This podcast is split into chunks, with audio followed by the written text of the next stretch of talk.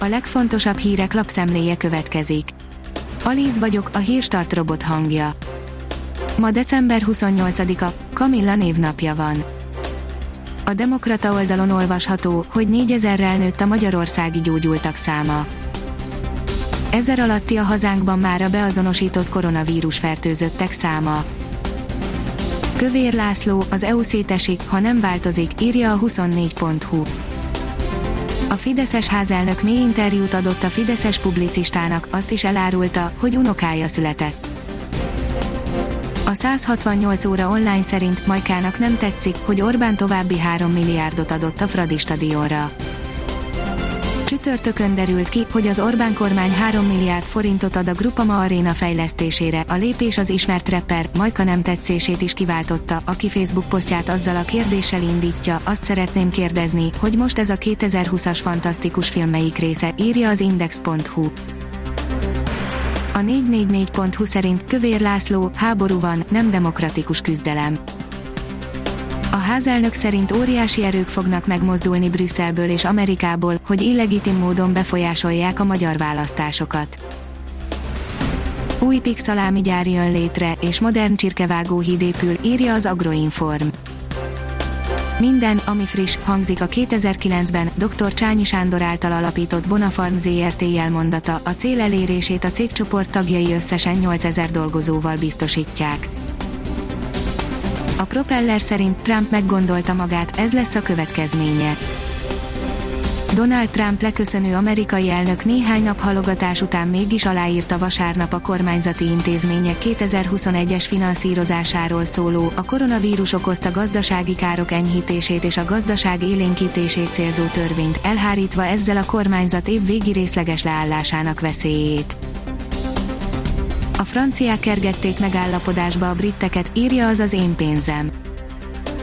Nehéz nem arra gondolni, hogy a Doveri katasztrofális helyzet látványa lágyította meg az EU és Nagy-Britannia közötti kereskedelmi megállapodásról tárgyalók szívét egyik napról a másikra karácsony előtt.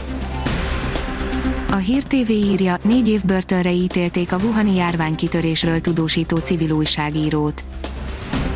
Négy év börtönbüntetést szabott ki egy sánghái bíróság hétfőn egy sánghái nőre, aki az év elején a Wuhani járványkitörés korai szakaszáról tudósított. A növekedés írja, Merkely Béla, a nyár elejére elérhetjük a nyári immunitást.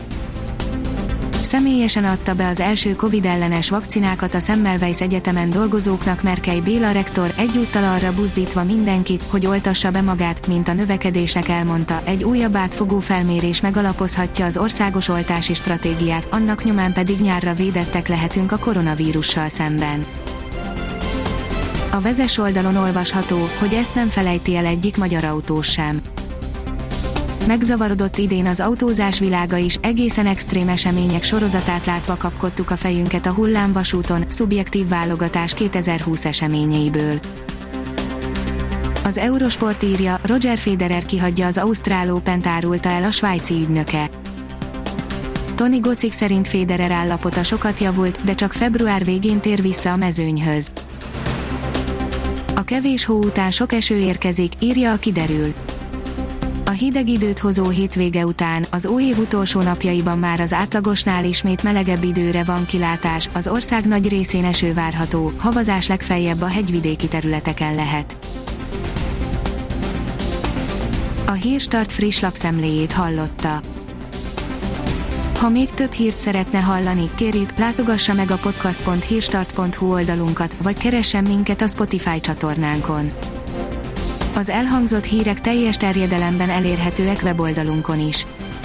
Ha weboldalunkon hallgat minket, az egyel korábbi adás lejátszása automatikusan elindul, beállíthatja, hogy az összes korábbi adás, vagy csak az aktuális tematika hírei következzenek. Köszönjük, hogy minket hallgatott!